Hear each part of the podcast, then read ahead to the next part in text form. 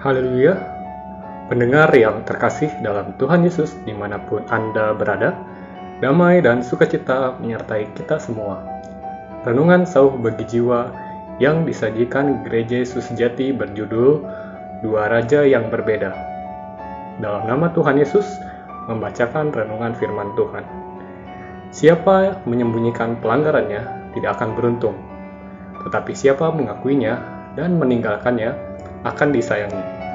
Amsal 28 ayat 13 Sebelum pergi menyerang orang Filistin, Saul sudah tahu bahwa dia harus menunggu Samuel untuk mempersembahkan korban sebelum maju berperang. Tetapi setelah Saul menunggu tujuh hari, Saul mengabaikan perintah Allah dan dia sendiri mempersembahkan korban.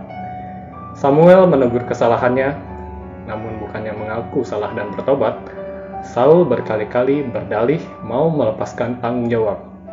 Dia menyalahkan rakyat yang ketakutan, menyalahkan Samuel yang datang terlambat, seolah-olah dirinya adalah korban keadaan. Setelah itu, Allah memerintahkan dia melawan orang Amalek. Sekali lagi, Saul melanggar perintah Allah. Ia memang menumpas seluruh rakyat Amalek, tetapi tidak membunuh Agag, raja Amalek. Dia pun hanya secara simbolis membunuh hewan yang tidak berharga dan buruk, tetapi mengambil ternak yang terbaik dan tambun, juga segala barang yang berharga. Sewaktu Samuel menemui Saul, pertama Saul berbohong mengatakan bahwa dia sudah melaksanakan firman Allah.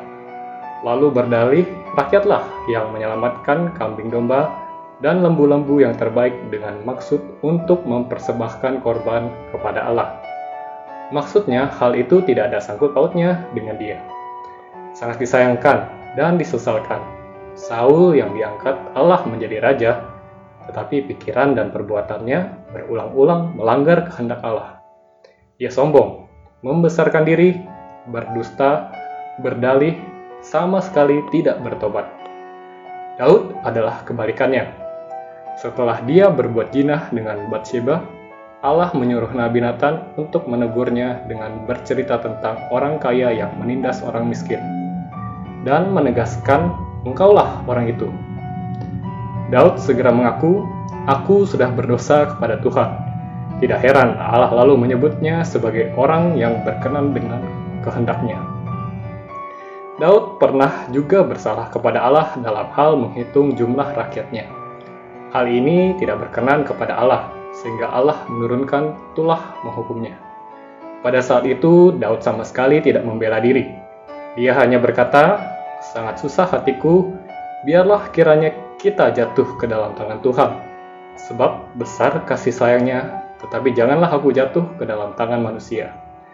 2 Samuel 24 ayat 14 Dari kejadian-kejadian ini, kita tahu bahwa Daud berani mengakui dosa-dosanya dan bertobat.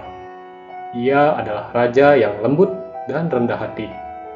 Dari sikap Saul dan Daud setelah berbuat dosa, kita tahu bagaimana perbedaan dua raja ini. Saul menyembunyikan pelanggarannya, akibatnya dia tidak akan beruntung. Sedangkan Daud mengakui dan meninggalkan dosanya, sehingga akan disayangi.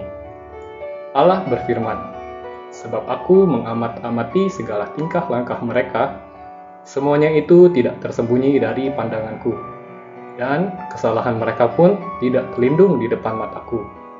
Yeremia 16 ayat 17 Kiranya kita bisa meneladani Daud agar disayangi Allah. Jangan mengikuti Saul yang tidak akan beruntung. Siapakah yang tidak berdosa? Siapakah yang tidak berbuat salah?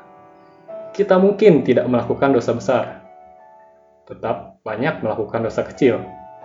Ingatlah, ketika berbuat dosa, segeralah mengaku dosa kepada Allah dan bertobat. Terlebih bila Roh Kudus menegur kita, janganlah berdalih mau melepaskan tanggung jawab. Karena hanyalah dengan hati yang remuk bertobat, kita akan diampuni Allah. Tuhan Yesus menyertai kita semua. Amin.